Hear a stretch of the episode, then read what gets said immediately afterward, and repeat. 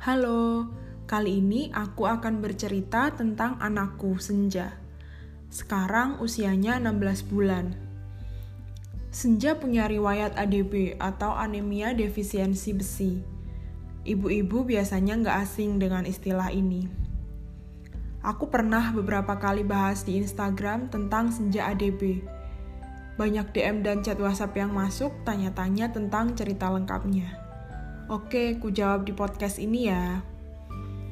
Gimana bisa tahu senja ADB ada ciri-cirinya? Jadi, senja anemia dari bayi merah. Gara-garanya, sekitar 20 jam setelah lahir mengalami muntah darah. Diagnosis dari dokter PDVK atau perdarahan akibat defisiensi vitamin K. Akibat darah yang keluar ini otomatis bikin anemia lalu ditransfusi plasma darah sampai kadar hemoglobinnya normal. Ternyata sewaktu usia 4 bulan, HB-nya udah ngedrop. Taunya karena senja diare sampai harus cek lab, akhirnya ketahuan HB-nya udah di bawah normal. Selama itu nggak ada ciri khusus. Biasanya anak anemi kan pucat, lemes, berat badan naik tidak sesuai KBM. Nah, senja itu enggak.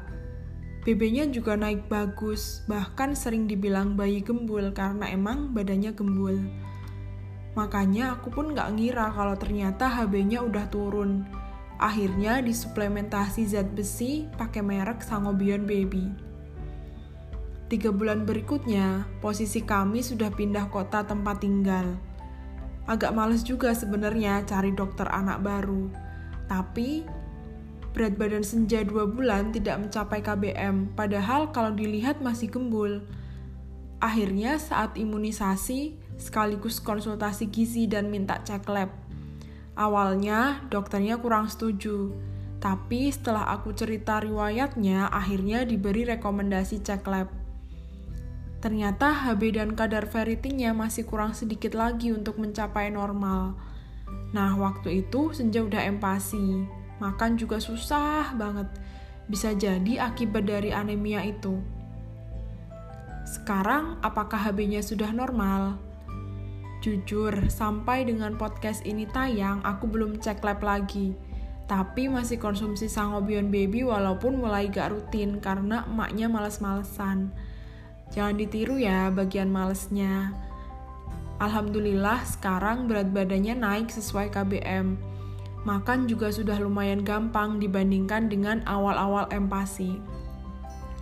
Yang perlu aku highlight dari cerita ini adalah selalu perhatikan kenaikan berat badan anak.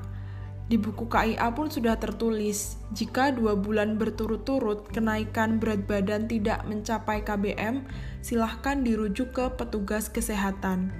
Karena jika berat badan tidak naik terus-menerus, dikhawatirkan akan terjadi growth faltering atau gagal tumbuh, yang lama-lama bisa menjadi stunting. Untuk suplementasi zat besi ini, IDAI juga merekomendasikan diberikan kepada semua anak dengan prioritas usia balita, terutama usia 0-2 tahun. Tapi untuk dosisnya sebaiknya dikonsultasikan dengan dokter anak masing-masing. Cukup sekian podcast kali ini, semoga bermanfaat untuk ibu-ibu semua. See ya!